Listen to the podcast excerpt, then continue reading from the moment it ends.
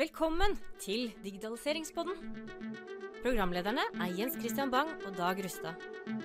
Digitaliseringspodden er et samarbeid mellom Computerworld og Already On. Det er sommer, og det er tid for digitaliseringspodden. Det er idyll. Idyll, ja. Tar du sangen? Nei, eh, eller ikke nei, ikke sånn på sparket. Nei. Og som vanlig så er det Dag Rustad og Jens Christian Bang som uh, står i studio. Mhm. Har du digitalisert denne uken? Jeg digitaliserer hver dag, jeg, Jens Christian. Jaså? Ja, jeg syns det er det Så som lett er å si. Det er livet. Ja, Ja. ja. Nei, ja, og det kommer vi tilbake til i dagens sending. fordi hva er egentlig digitalisering? Det skal vi eh, diskutere litt nærmere i dag. Det tror jeg vi har spurt om ganske mange ganger Da. Ja, da, vi blir aldri kvitt er aldri, det, er- aldri, det er et uttømmende tema. Ja. Ja. Men hva har du gjort denne uken, eh, Jens Christian? Du, Jeg jobber veldig mye med en eh, workshop som jeg skal ha litt senere i uken på kurs og konferanse. Ok. Det morsomme der er jo at eh, jeg tror det er eh, ti eller tolv stakeholders som jeg skal ha workshop med. Så da blir det, da blir det mye ønsker da, til, ja, ja. til systemet. Du, eh, nå, skal, nå gjør jeg meg litt dum med vilje, men hva er en stakeholder? Det er en som, som holder en stek. Ja, Er det, er det en, sånn, en kjøttbiff? Du eh, vet jeg, ja. jeg har lurt mye på hva det ordet kommer fra. ja. Uh, men jeg vet at det betyr at det, at det er den som, de som bestemmer noe okay. om, eh, om et prosjekt. Ja. I hvert fall sånn som jeg har forstått det. ja. Ja, men det er greit. Man må slå om seg med en del uttrykk man ikke Vi, kan. vi, vi har så mye buzzwords, så noen ganger så kan det være ålreit å bare stoppe opp og bare reflektere to sekunder om det. Ja. Men da stakeholders er ikke en biff, eh, biffkokk. Det det er noen som bestemmer. Ja, ja, det er bra. Ja, men Skal vi over på dagens gjest? Ja, Ja. vi har en veldig spennende gjest eh, som vanlig.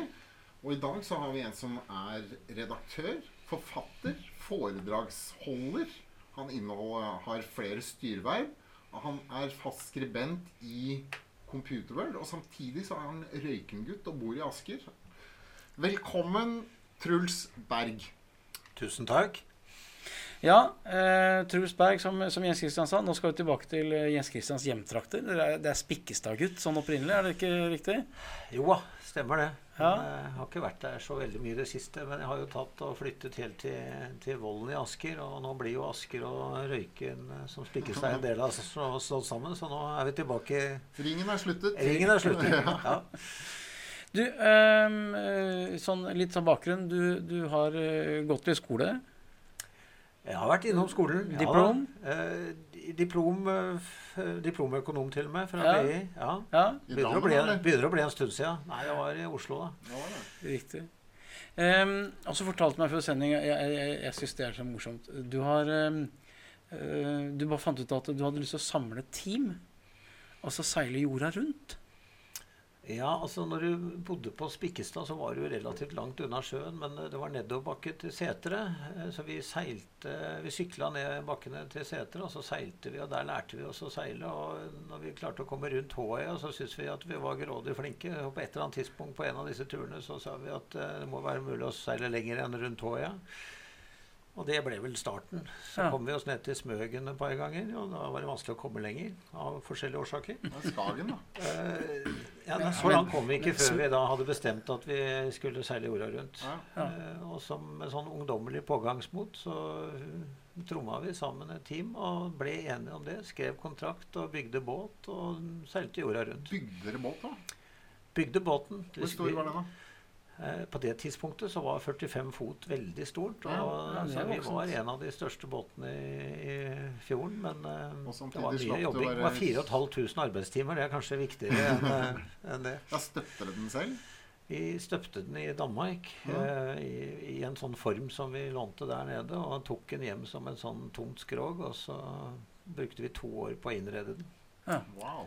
Så det var vel den tyngste båten. For hver gang vi var i tvil, så putta vi på med litt ekstra siden vi skulle seile jorda rundt. Så, så den ble vel tyngre enn eh, Hvor mange var dere om bord på seilasen? Vi var seks, eh, seks karer. Seks Seks, unge karer. som dro av gårde. Det må ha vært en utrolig lærerik tur. Ja, det var jo det. Det var jo fantastiske opplevelser. Eller mange fantastiske opplevelser. Så det var jo det. Jeg vet ikke om vi ble så mye bedre, jeg vet ikke om vi ble så mye bedre seilere av det. fordi vi, man blir jo en smule lat når man lurer på skal vi justere seilene i dag, eller skal vi ta det i morgen. Ja. Men, eh, men opplevelsesmessig, som, eh, som måte å både lære om seg selv, lære om team og ikke minst lære om verden, så anbefaler jeg det til alle. Fantastisk. Men, formet deg som en menneske eh, for, for eh, Ja, det, det, er jo noe jeg i ettertid har skjønt. Men uh, der og da, som ung og, og, og, lysten på eventyr, så tenkte jeg jo ikke så mye på det. Men, litt sånn check, nå har vi gjort det, liksom? Ikke noe mer? Nei, vi var vel egentlig der at vi hadde bare lyst på å se verden på en uh, fin måte og var glad i å seile. Det var vel egentlig utgangspunktet. Men vi hadde jo som sagt altså ikke vært lenger enn til Smøgen, noen av oss, før vi før vi dro. Så, så, av og til Jeg møter jo av og til folk som sier at de skal seile og har tenkt på det i 20 år, men uh, det er jo noen som bare tenker på det. Vi er vel litt mer der at uh, dere gjorde det, dere. Ja. ja det, er, det, er, en morsom historie. Men jeg tenker da på Du sier at i etterkant så ser du at det har form... Hvordan forma det deg? Jeg tror på mange måter. Men en av de er jo den der med at, at, det handler om å få team til å funke. Jeg tror at det å seile Alle som har seilt langt, vet at båten tåler det. Mm. Men veldig ofte så tåler man ikke så godt hverandre. Mm. Det er noe med å ikke ha noe sted, og folk sier mye rart. Noen blir redd, noen blir triste, noen blir superglade, men på bekostning av andre. og det der å få et godt team til å fungere til tross for at man er forbanna ulike, og, få det til å bli en styrke, det lærte jeg nok en del om. Ja. Eller vi lærte om det. Vi lærte jo det alle. Så vi var f.eks. Kaptein, vi var for kaptein på omgang. Ja. og det var jo ingen andre som hadde hørt om på det tidspunktet. Mm. Eh, så vi var tre måneder kaptein av gangen. Eh, vi eide båten sammen, hadde skrevet en kontrakt på én side som sa det at hvis én av eh, vi seks eierne ville redusere seil, så reduserte vi seil. Eh, sånn at man ikke skulle risikere. Og sånne ting var litt uhørt. Det er vel nesten fortsatt litt det er litt innovativt ennå, det, tror jeg, i seilerkretser. Men du bare sånn for å forstå, Hva var det lengste legget? Var det over Stillehavet? Eh, lengste strekket vi hadde, var fra Fiji til Darwin i Australia. Og da seilte vi 20 dager. Og det var, eh, Hvis du tenker på det sånn distansemessig, så var det som å seile fra Oslo og et stykke ned eh, forbi Kanariøyene, et stykke ned i Afrika. Ja. Med 20 dager uten å se land? Ja. Det, det sliter litt på psyken, går jeg ut fra? Føler deg litt alene? Ja, var, eh, nei, det, nei, det gjorde vi jo ikke. Fordi at vi jo ikke Altså, de som seiler aleine, de må jo slite litt med det. Men ja. uh, vi var jo seks karer om bord, og nei, det fungerte fint. Det ble jo en rutine. Ja. Men de største opplevelsene kom selvfølgelig når vi kom i land. For de forskjellige stedene, ja. ja. For det er jo litt når du seiler, så er det nesten litt som sneglene. ikke sant? Du, det går ikke så fort, men uh, du har i hvert fall mer av huset ditt. Mm. Uh, så vi kunne invitere folk om bord og viste dem noen bilder fra Norge og en samekniv og litt annet sånn norsk.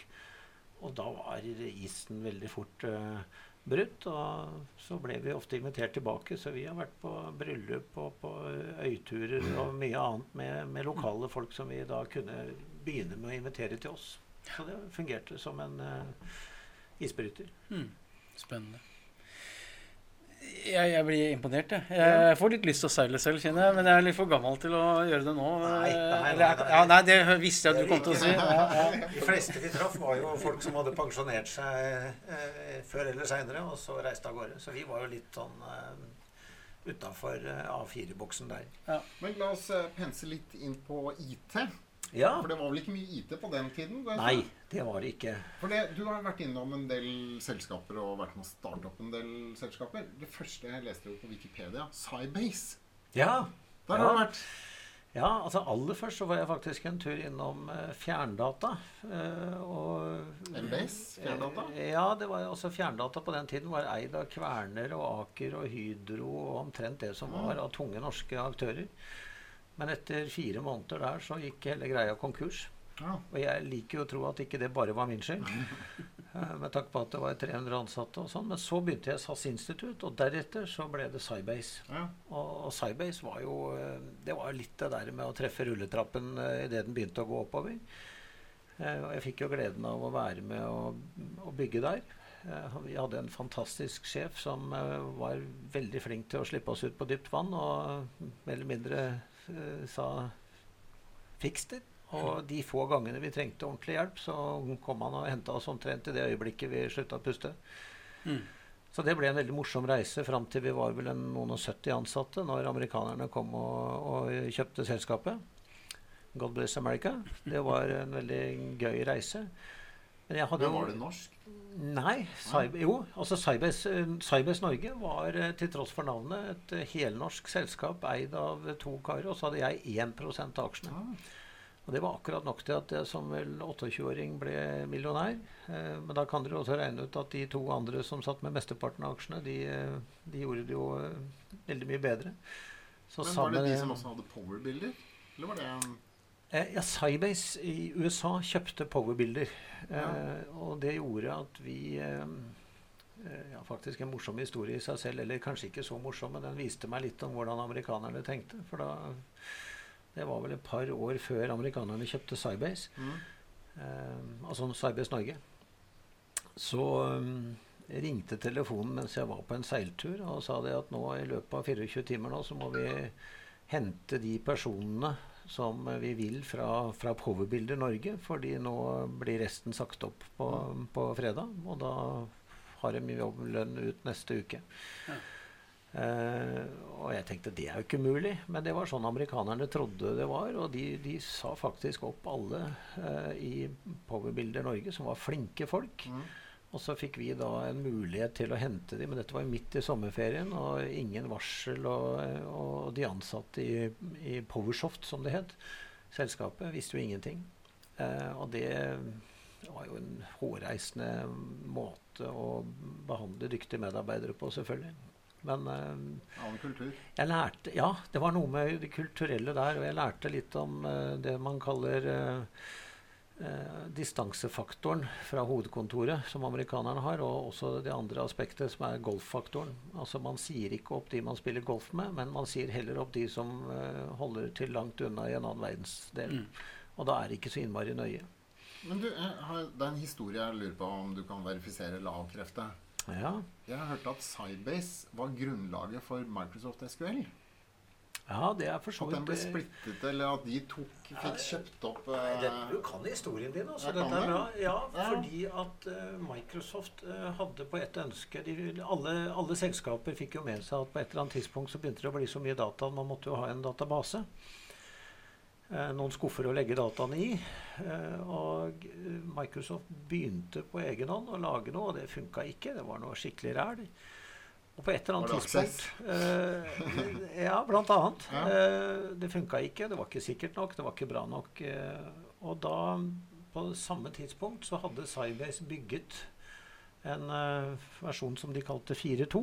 Mm. og den kjøpte Microsoft retten til. Eh, og så kalte de den Microsoft 4.2 eh, Server. Uh, så, og fra det tidspunktet så da skjønte vel kanskje Cybase at de på mange måter hadde solgt De hadde fått godt betalt på det korte bildet, men de hadde jo også laget seg en konkurrent.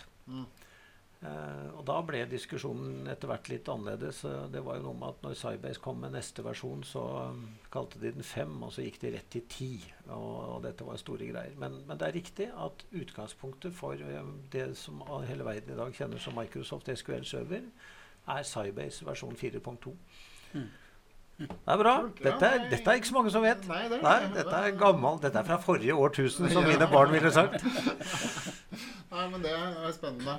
Og på det tidspunktet så er det kanskje ikke så mange som vet det, men da var Oracle eh, en uke unna konkurs. Ja.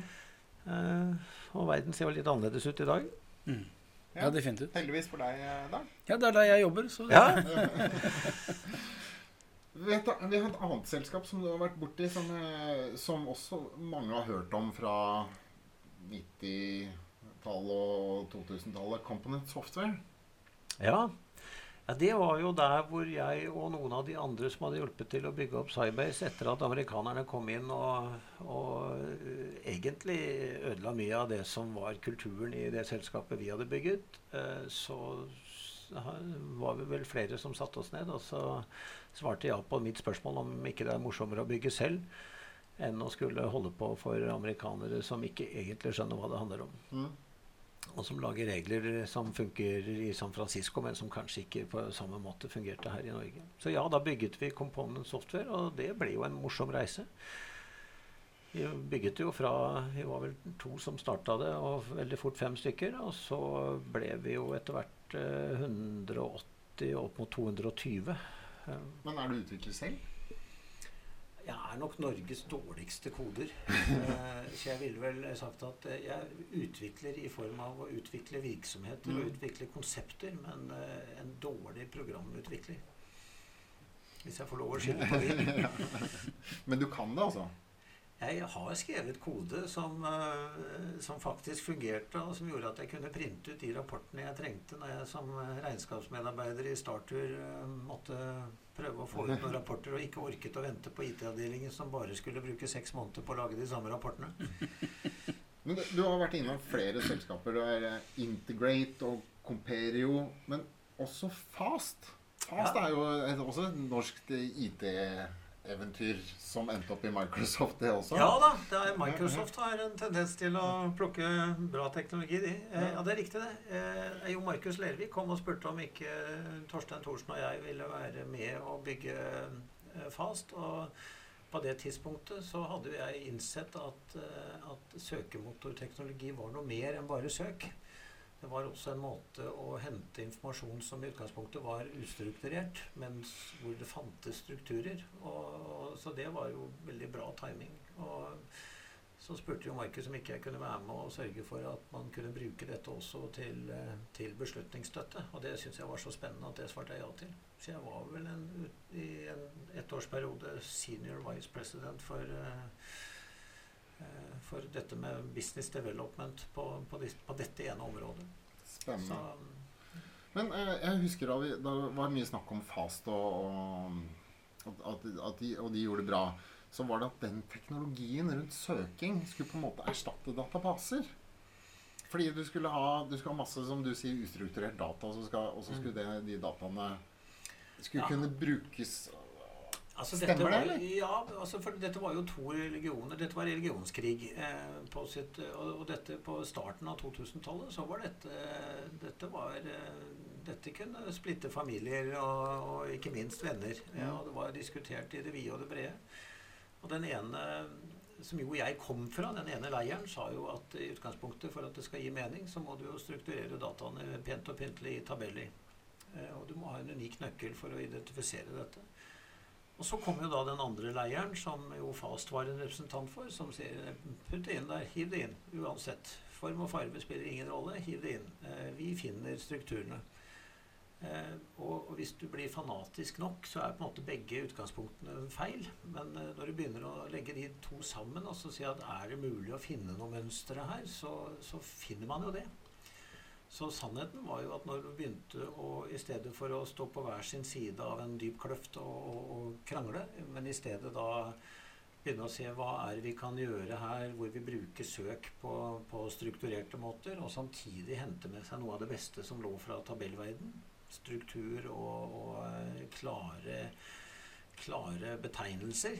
Eh, Så ble jo resultatet kjempespennende. Men det tok jo tid. og Jeg vil si at det er vel nesten fram til nå og nylig at det ordentlig har, eh, har fått sitt eh, eh, hva si, renessanse i form av at data scientister nå begynner å hente ut informasjon. Men dette er jo ikke nytt. Dette er jo ting vi egentlig barna med rundt 2004-2005. Men nå er vi plutselig over på, på kunstig intelligens nå, da vel? Hvis du snakker om Ja, men altså igjen De er Jeg, store jeg, jeg, solgte jo, jeg solgte kunstig intelligensløsninger i 1991. Ja, altså før, før vi begynte med Cybase. Og da var jo verden der at man mente at dette med AI og kunstig intelligens, det var litt ut. For det var egentlig noe som man var opptatt av på 80-tallet.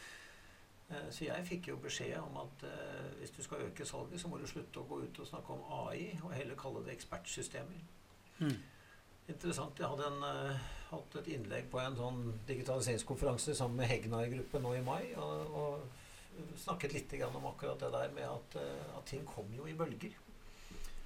Eh, Men nå er jo eh, AI blitt en slags catchphrase på alt mulig. På samme måte som client-server var det på 90-tallet.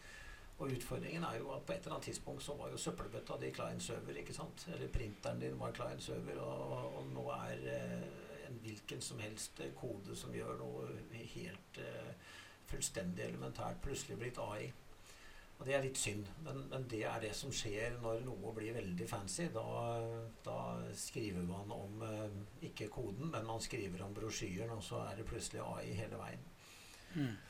Jeg er helt sikker på at dere har noen eksempler på det. ja, men jeg tror du har rett. Jeg tror at uh, om noen år så kommer vi ikke til å snakke om kunstig intelligens lenger. For det, det, er, det er bare en del av av uh, digitalisering. Uh, så, sånn at vi, ja, det, er ikke, det, er ikke, noe merkverdig rundt det. Akkurat nå så er det jo litt mystisk og, og spennende. Ja, ja da. Og det, og det, er jo fascinerende.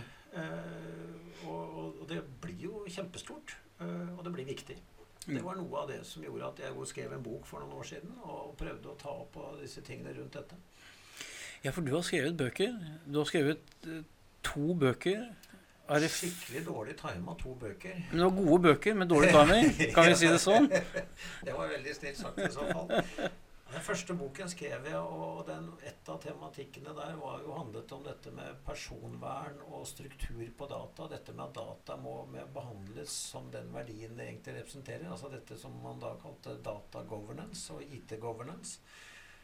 Eh, og da bl.a. ropte jeg varsko om at 90, eh, nesten 90% av norske data ble allerede i 2007 eh, pakket opp og sett på av, svenske sikkerhetspolitiet, og om det var helt greit.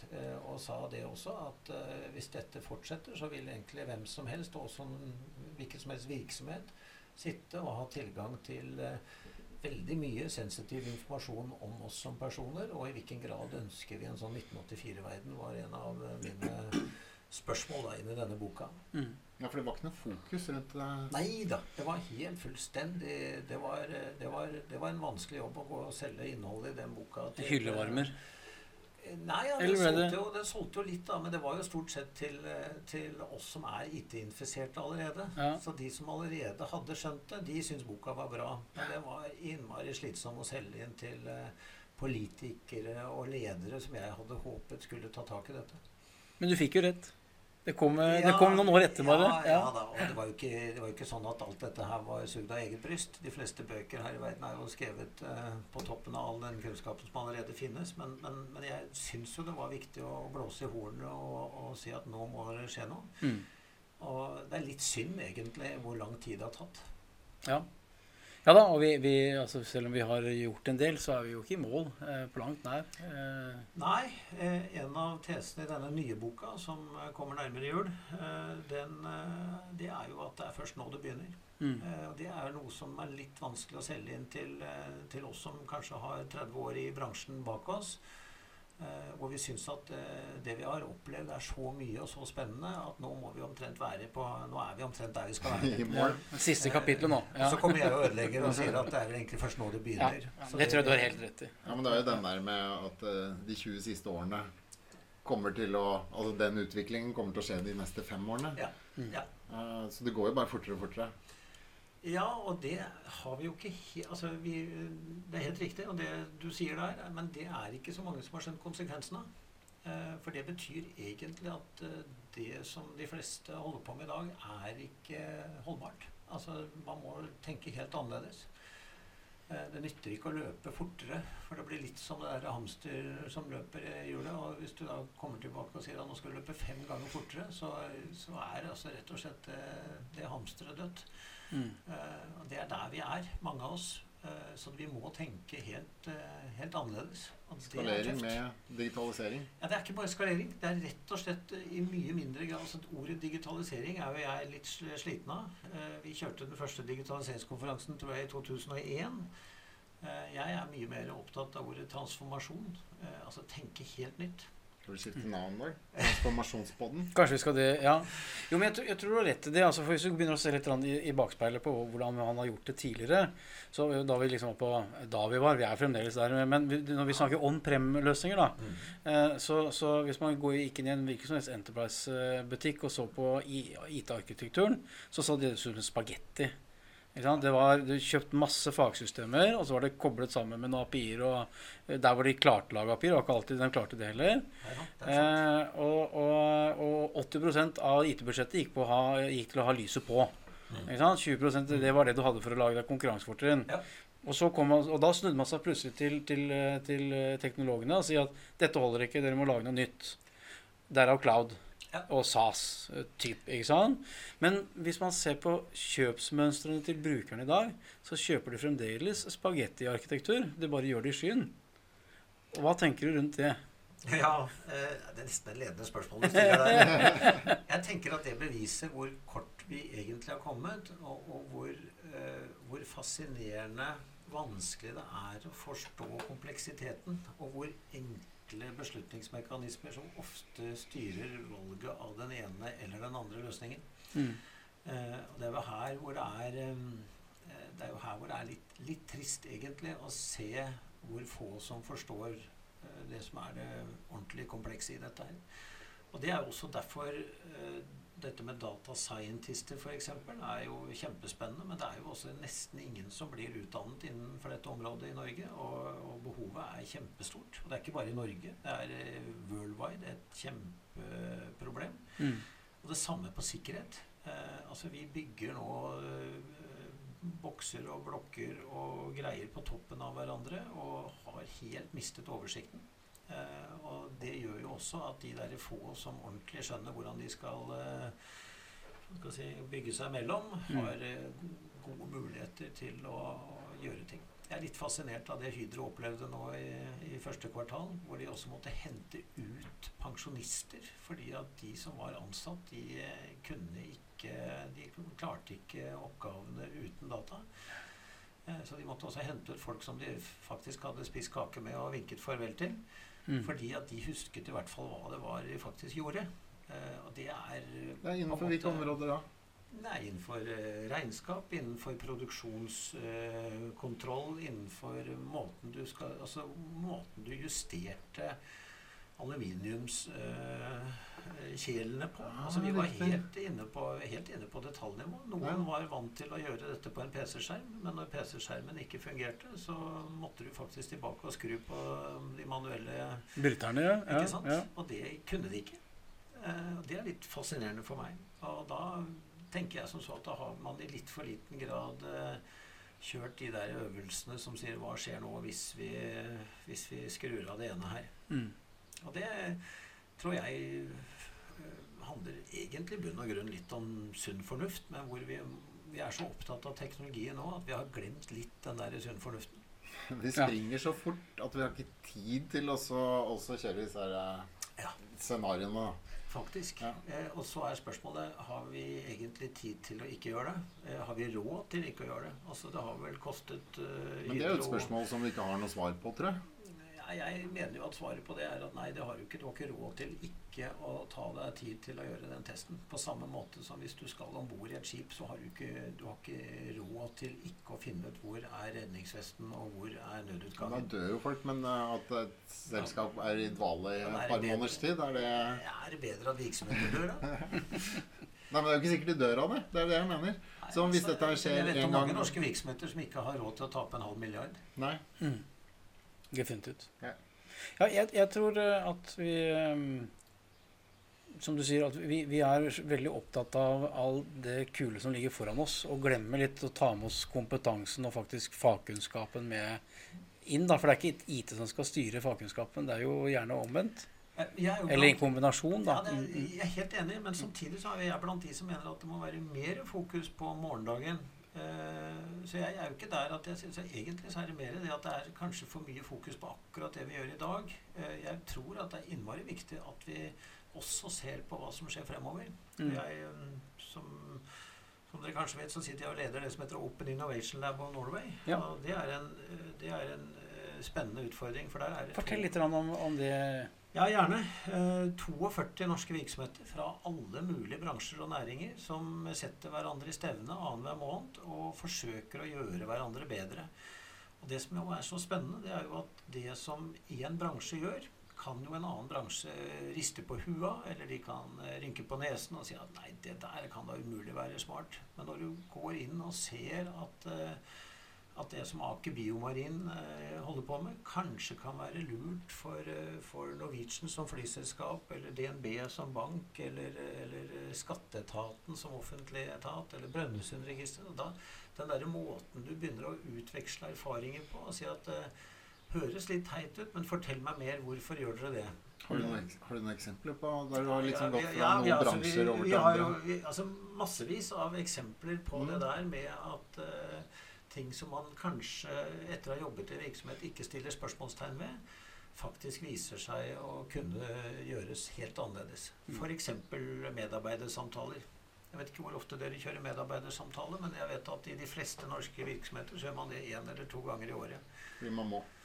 Eh, ofte fordi man må, og det har blitt en sånn av eh, greie mer enn noe annet. Eh, men I de beste og kanskje mest innovative virksomhetene nå, så gjør man det i stedet sånn på en sånn ukentlig basis i form av noen spørsmål som kommer på en app, eh, og som du bruker under tre minutter på å svare på.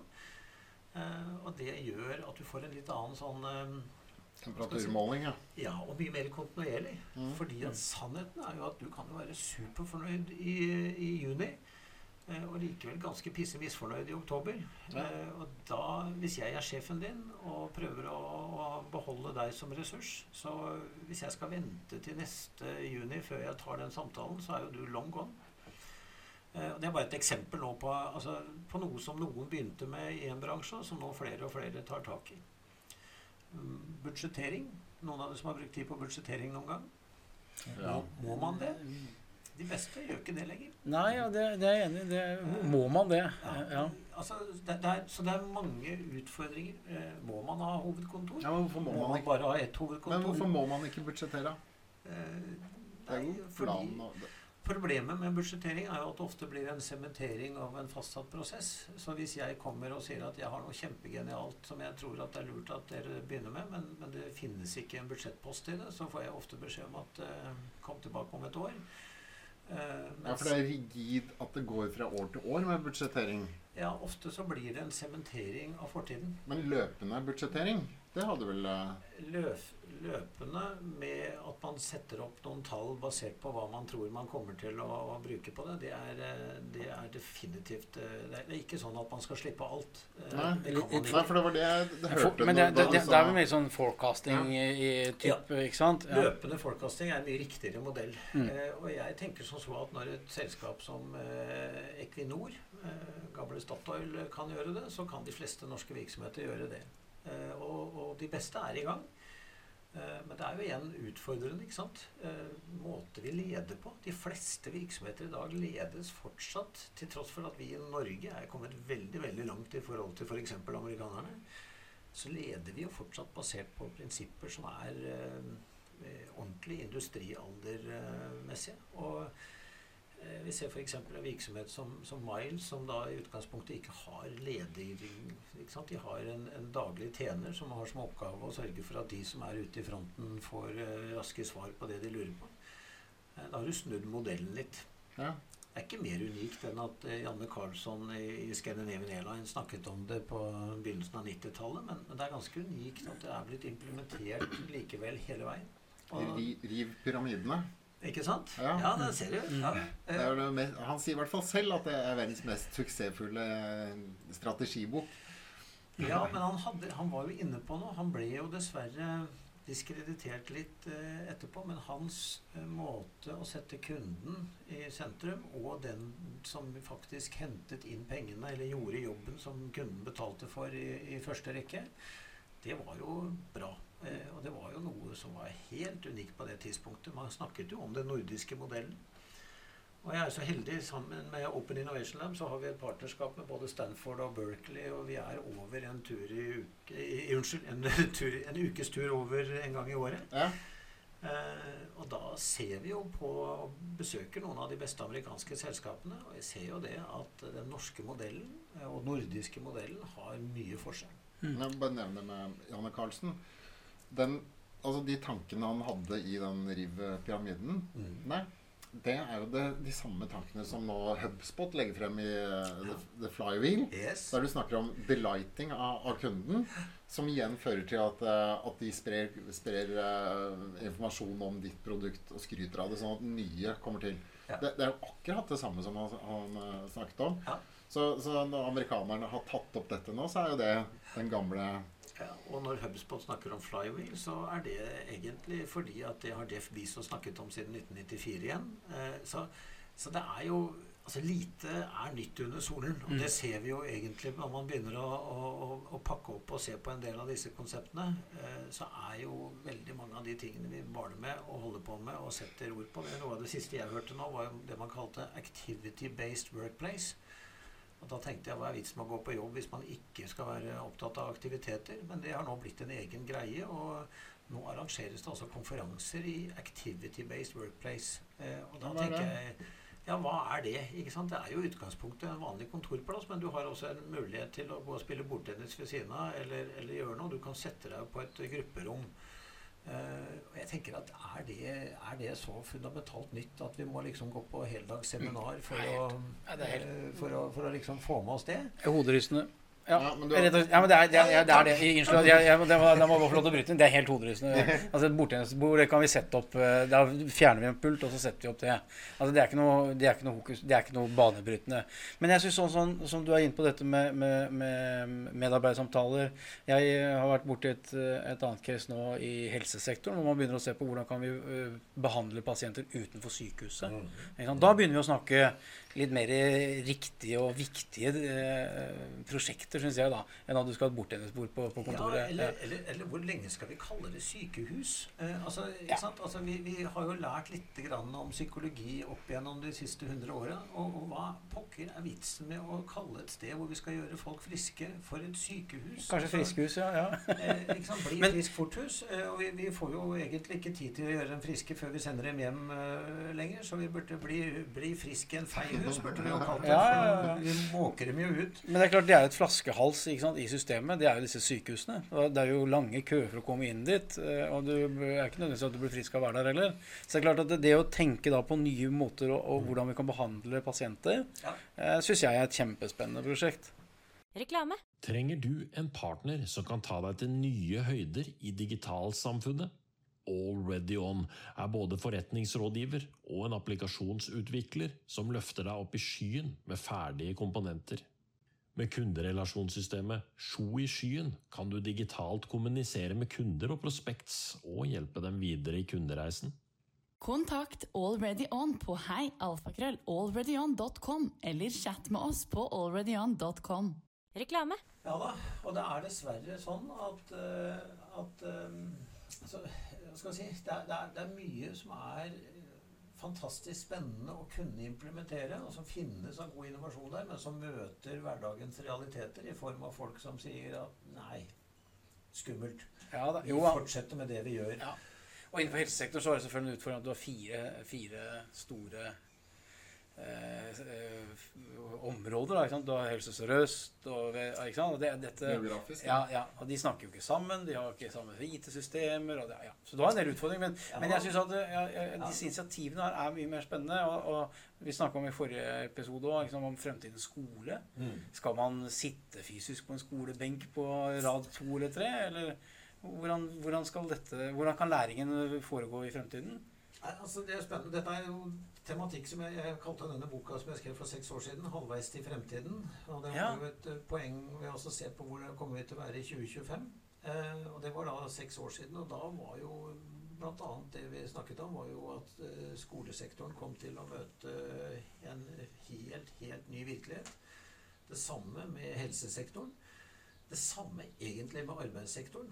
Altså dette poenget med at vi driver og barner med køer inn til jobben og køer ut av jobben, eh, og, og alle sammen skal jobbe fra åtte til fire eller fra ni til fem eller hva det nå er, det er jo helt fullstendig avleggs. Og, og viser jo bare at vi ikke ordentlig har skjønt det. Det samme som vi gjør på skolen, hvor altså alle sammen skal gjennom akkurat de samme oppgavene i løpet av de samme 50 minuttene.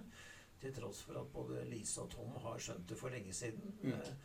Altså, Den der måten å individualisere eh, utdanningen mer på, er jo helt åpenbart kommet altfor kort. Men det er jo litt av sosialtanke, eller sosialdemokratiet som ble bygget opp på 70-tallet. Og som egentlig er fundamentet av, og sikkert før 70-tallet, som egentlig er fundamentet på det her, eh, styresettet vi har i Skandinavia i dag. Mange- mange. Som samtidig er eh, priset opp i himmelen av, av, mange Ja, jeg tror- samfunnsforskere. Jeg, altså jeg tror rett og slett at vi er tilbake på dette med, med Vi var inne på det i stad. Altså behovet for innovasjon er større enn noensinne. Men, men behovet for innovasjon møter altså realiteten ved hardt eh, pressete medarbeidere som syns at det er tøft nok som det er. Og så tror man at det nye kommer på toppen eller i tillegg til det vi allerede gjør, i stedet for å se at det faktisk frigjør og, og, det er dessverre også sånn at en del steder så er innovasjonsprosessene for dårlig ledet. Sånn at det kommer faktisk på toppen.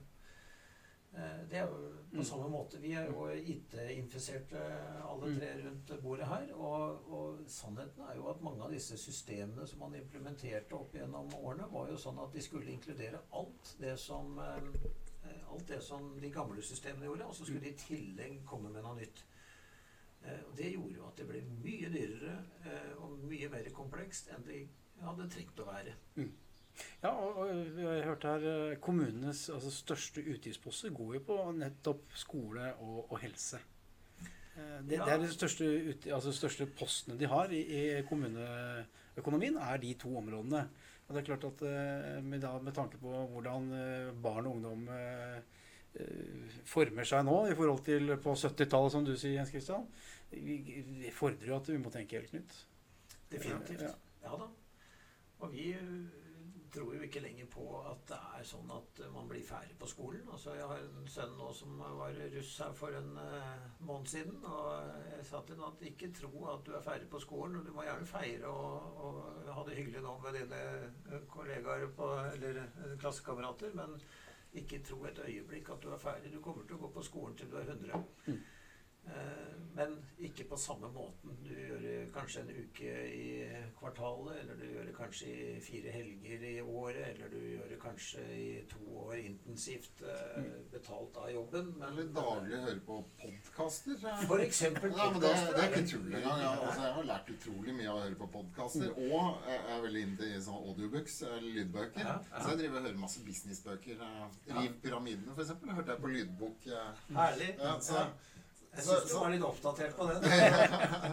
Du gjorde han til og med litt norsk. Carlsen. Ja, Carlsen, ja. Nei, men det, er klart, ja, det er helt klart at, eh, at eh, En ting er at livet er en skole, men, men det handler jo også om uh, å kunne tilpasse seg og endre seg og tilegne seg ny yes. kompetanse. Og det, og det, er vel kanskje noe som mange kjenner litt på akkurat i dag. At, eller ikke mange, men at, at, at man må omstille seg. Ja, jeg tror du har helt rett. Og at, at ikke, altså vi, vi, kommer til å måtte innføre et nytt ord, og det er det derre avlære. Eh, ja. Mange av de som i dag lærer bort, de er pedagoger og har vært pedagoger gjennom 30 år. Eh, og det de burde begynne med, det var å avlære en del av de tingene som var riktig for 10 og 20 og 30 år siden, men som egentlig ikke er riktig lenger. Ja, det tror jeg altså. Det sitter i ryggraden på, på alle som har en viss alder og eldre. Men jeg tenkte vi skulle over på um, den siste boken som ikke er gitt ut ennå. Uh, er det mulig å få lurt ut noe, uh, noe spoilere her? Uh, nei, altså spoilere skal du ikke få. Men hvis du vil ha en sånn trailer, så altså, den kommer jo til å handle litt om, eh, om det som jeg er ganske overbevist om, at det er først nå vi begynner å få de samfunnsmessig store effektene av det som vi på IT-siden har holdt på med gjennom gjennom mange år. Så når vi snakker om skolesektoren, når vi snakker om helsesektoren, når vi snakker om arbeidssektoren generelt, så har vi ikke helt tatt inn over oss hva er konsekvensen. Eh, transhumanisme, f.eks., som måte å, å, tenke utvikling på, kommer til å være en utfordring. Hva legger du i det? Eh, jeg tenker på det at vi i større og større grad kommer til å møte mennesker som har fått eh, rett og slett plugget inn en komponent her og der og hvor mange komponenter skal du ha plugget inn? Eh, hvis du sliter med søvnen, ja vel, så får du inn en liten chip, og den eh, gjør at du eh, du, sover, du, sover, du sover bedre, men du trenger altså ikke mer enn 2 12 timer søvn. fordi at denne chipen den sørger for at da er du topp lada, og så er du klar til å yte mer. Vi har allerede nå og du møter, du møter, det fra to sider. Du møter der hvor man forbedrer menneskene, hvis du skal snakke med de som er teknologioptimistene. Eller, eller tukler du med menneskenaturen, hvis du skal snakke med de andre. Eh, men du møter også de som nå gjør eh, androidene eller, eller, maskinene mer og mer menneskelige. Og, og, på et eller annet tidspunkt så begynner det å bli vanskelig å, å, å se hvor grensene går. Eh, så jeg har jo allerede Nå, nå snakker du om eh, to forskjellige ting. vel. Det ene er å stappe inn mekanisk eller elektronikk i mennesket. Det andre er jo genmodifikasjon. Nei, det- Eller var du ikke innom Nei, altså jeg, jo, men, altså jeg sier at disse, ting, disse tingene ja, som du kan godt kalle altså Transhumanisme er jo en måte å, å f.eks. snakke om supermennesker. Da, det, allerede i ordet supermennesker så ligger det jo mye ladet begrep. Men altså, transhumanisme kommer. Eh, I utgangspunktet, tenk, altså pacemakere. Eh, det, det har gått mennesker rundt i de siste i hvert fall 30 årene, med, og lenger enn det, med, med fungerende 50, pacemakere som eh, som jo er en måte å putte en mekanisk dings inn i oss som gjør at vi faktisk fungerer. Mm. Men det er det første leddet. Eh, Så får du en titanforsterket eh, albueledd fordi du knuste albuen i en ulykke. Og, og by the way, den gjør at når du skal ut og kaste disko, så kaster du diskosen dobbelt så langt som han andre som ikke har den titanforsterkede leddet. Og på et eller annet tidspunkt så kommer vi til å havne oppi disse etiske utfordringene. Mm. Eh, eh, og det er litt synd at, eh, at de eneste som snakker om det, de sier nei til alt. Så, så ja, eh, altså nanopartikler altså Hele helsesektoren kommer Det, det, er, det, er, ligger, et, eh, det ligger mange bøker eh, og som bør skrives, men det bør skrives av noen som ikke er helt anti eller helt pro, men som har et litt sånn balansert syn på det. Det var han israeleren, han jury Hva det han heter? Han med um, Homodeus, den, den boken. Ja, homodors. Ja. Han snakker jo mye om innenfor dette, altså den moralske delen. Mhm. At eh, jo, det er greit vi sier at vi skal ikke drive med genmodifikasjon. Men hva om Nord-Korea gjør det og begynner å lage skal vi si, supermennesker som er smartere, raskere, lever lenger enn um, en oss? Er vi ikke nødt til å svare med samme mynt da? Jo da, det Da, er det litt sånn catch eh, Altså, dette er jo, vi, er, vi er kommet lenger enn det. ikke sant? Altså, Vi er allerede der at, eh, at eh, en god del mennesker har skjønt at de kan yte mer hvis de tar noen piller. Mm. Eh, er det greit? Er det ikke greit? Eh, men mitt poeng er at ikke bare kan vi ta piller, men du kan også på en måte nå putte inn en mikrochip. Eh, vi har allerede de første foredragsholderne som nå går rundt og viser at de kan åpne dører og, og sånn med det. Eh, og det er ikke veldig vanskelig. Det tar også et kvarter, og vi kunne gjort alle sammen. Eh, det er ikke vondt engang. Eh, men settingen er jo at det er de banalt enkle greiene. Det som er mye mer viktig, er jo de som nå, det som kommer fremover. Hvor, hvor vi, vi, har, vi er foreldre alle sammen, er vi ikke det? Og hvis barnet vårt sliter litt på skolen, så får vi det spørsmålet opp i løpet av de neste ti årene. Så skal vi putte inn en liten skip som gjør at han blir best i matte. Eh, eller best i engelsk. Mm. Du har også brain drugs, da, som eh, begynner å bli populært. Ja. Som mikrodoser med LSD, som gjør at man gjør det bedre på matteprøver. Og, Ikke sant? Eh, og det og det det snakker, Er det doping, eller er det ikke doping? Det snakker jo universitetene om da, når eh, det- studentene begynner å bruke Her kommer et vell av, av etiske dilemmaer, eh, og vi er ikke forberedt. Og jeg håper at den boka kan være med å bidra til det. Vel vitende om at det er et, eh, et, et komplekst eh, Hva skal jeg si eh, Spørsmålsnettverk som henger sammen, som da skal tas tak i. Så jeg, jeg, baler litt med det, men det er, det er et forsøk på å prøve å i hvert fall ikke ta den der rollen. Jeg, jeg har alltid kalt meg teknologioptimist og fremtidsoptimist, men, men jeg er jo der at jeg sier at det er jo ikke nødvendigvis sånn at alt det vi holder på med nå, nødvendigvis bare er bra. Ja.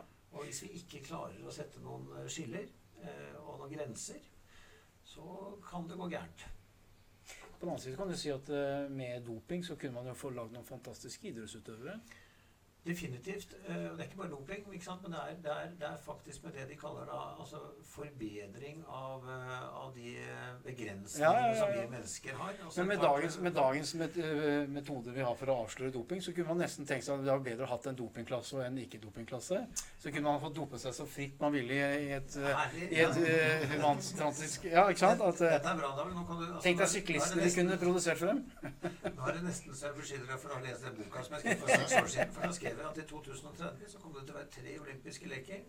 Akkurat. Én for eh, oss vanlige. En for de som er uh, handikappet, altså som allerede finnes. Ja, ja. Og en som da er for de som er uh, Improved Human Beings. Ja. Uh, som er, altså, og det er der, på det siste, hvor de fleste tilskuerne vil komme. For det er der du kommer til å se verdensrekordene, og det er der du kommer til å se de spektakulære eventene. Ja, ja, ja. Nei, ja. Vi skal ikke dra den lenger, for det kan uh... Nei, da skal jeg begynne å se på sport i så fall.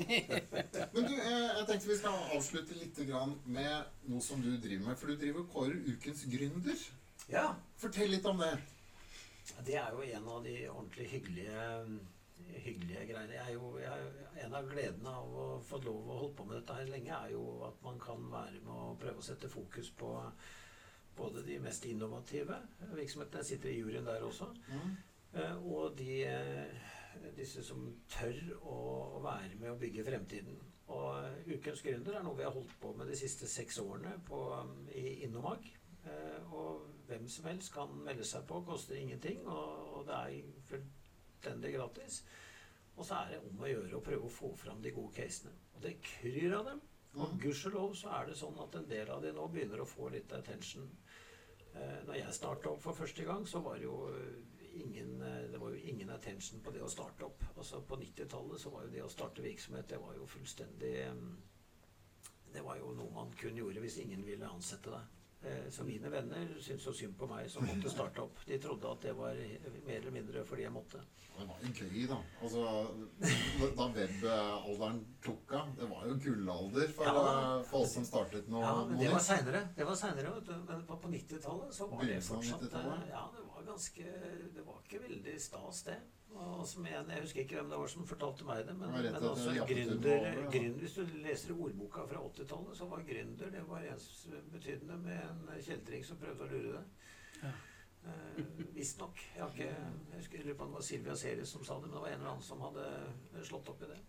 Jeg syns det å få lov å være med å kåre ukens eh, gründer er en, en eh, fin måte å kunne prøve å få noen fram i lyset på som trenger det, og som kan ha glede av det, og som forhåpentligvis kan bruke det til litt lettere å hente inn kapital, som jo ofte trengs for å kunne få lov å vokse videre.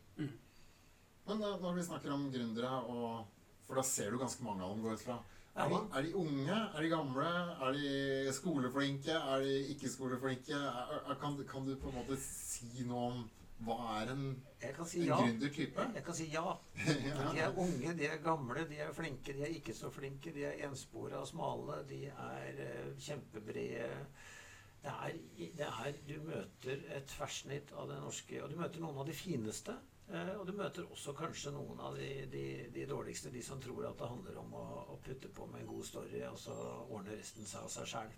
Eh, til de siste så vil jeg jo si at eh, det er veldig langt unna min forståelse av hva gründerens virkelighet er. Og du er innom dette med hardt arbeid? Det er eh, noe av det tøffeste du kan gjøre, men det er jo en personlighetsutviklingsreise av dimensjoner. Jeg syns jeg kan si det nå etter å ha starta opp elleve ganger. Altså, Man lærer jo veldig mye om seg sjøl og de man gjør det sammen med. Men det, er jo, det byr jo på både nedturer og oppturer. Eh, og selvfølgelig så er det sånn at oppturene er kulest. Mm. Eh, og noen ganger så ser det ut som at fra man starter til man får oppturene, så har det omtrent gått en uke. Men det er, jo, det er jo ikke sånn det er i virkeligheten. Det er ofte mye beinhard jobbing. Ja. Nei, jeg skjønner hva du mener. Jeg kan huske kan huske jeg drev og ringte til kontofonen flere ganger om dagen for å høre at eh, fakturaen var innbetalt. Jeg hadde aldri hatt så mye penger på, Ikke på bok. Mens andre ganger så var det å gå til Nav for å få endene Ja. til å møtes. Og det er tøft det der når du har pantsatt huset ditt og, eh, og du lurer på hva du nå skal gjøre for å betale medarbeiderne dine. Og det har jeg jo, det, har jo det, er ikke, det er sånt som jeg tror ikke medarbeiderne alltid skjønner. Hvor mange ganger at du har latt være å betale deg sjøl lønn fordi at du måtte prioritere medarbeiderne. Men det er jo en del av det, det også. Så jeg, jeg syns det er eh, veldig hyggelig å få lov å, å trekke fram gründere, for det er en utrolig tøff reise. Har du noen uh, gründere som du har trukket frem i det siste, som du kan nevne, som er spesielt interessante? Ja, er altså, vil si sikkert at, vanskelig å- Ja, jeg, jeg har Bare lyst på jeg har alltid lyst på å si Men altså, jeg vil jo si at det er, eh, det er ikke mer, mer enn et par uker siden vi møtte en uh, norsk kvinnelig flink gründer som holder på innenfor helsesektoren, som vi var innom på i stad. Mm. Og hun har bygget en eh, løsning eh, Selskapet heter Jodacare. og bygget en løsning som brukerne elsker. Eh, og den gjør det litt lettere for eh, hvor, hvor, hvis pasienten er, eller, eller den pårørende er dement. Eh, jeg har selv mistet en mor i Alzheimer, så jeg vet litt om hva som skjer da. Ja. Eh, hvor man har muligheten til å kunne legge inn f.eks. informasjon om at nå har moren din fått en tur, og hun har spist en banan, og hun syntes det var hyggelig å se på noen katter som lekte i veikanten. Eh, fordi når du kommer på besøk på ettermiddagen og spør, så husker hun ikke noen av de tingene. Hun kan kanskje huske det hvis det, hvis det ligger en skjerm der som viser et bilde av det, og som kan fortelle litt om det. Eller hvis den pårørende vet om det. Er det ikke sant? Jo, men det er det, det er det du får til da med den skjermen. Så denne løsningen har hun lykkes med. Og så er problemet at kommunene har da sagt at for at vi skal bruke dette, så må det være så sikkert. Eh, og så har man da jobbet med å få det sikkert. Og så viser, viser det seg at kommunenes egne ansatte de ønsker ikke å ha den graden av sikkerhet. Så nå har de laget en løsning som er sånn de trodde de måtte ha den. Men med den konsekvensen at en del av de som faktisk i kommunene ønsker å bruke dette, faktisk eh, må ta med sin egen sånn eh, Hva heter det for noe? Sånn eh, Device? eh, Egen sånn eh, Hva heter det for ikke minne... Jeg holdt på å si minnebrikke, men jeg, ikke, eh, Nei, jeg tenker på den personlige koden vår, altså bankbrikken. Ja. Ja, de må, de må ta med seg en egen bank-ID for å kunne bruke løsningen. Mm. Og da har man laget noe som eh, blir i utgangspunktet hemmende for eh, innovasjonskraften. Og dette er sånne ting som jeg mener eh, er litt synd. Eh, hun står, og Joda Care står nå midt oppi dette. men Det er et kjempeflott case. Eh, De har stått på. og De har fått De har 30 kommuner som er inne og bruker dette allerede. Og, og brukerne elsker det. Jeg håper jo at det at vi skriver om det, gjør at andre også får øynene opp og kan hjelpe til å sørge for at dette her går bra. Det er så gøy å høre om, om folk som finner på ting. Og selvfølgelig er det jo en kamp når du, når du møter eh, motstand. Jeg ser klokken løper fra oss. Jeg har et siste spørsmål som eh, jeg alltid stiller. eh, og det er Hvis du skulle ha hørt på digitaliseringsboden, hvem ville du helst ha hørt? Eh, oi.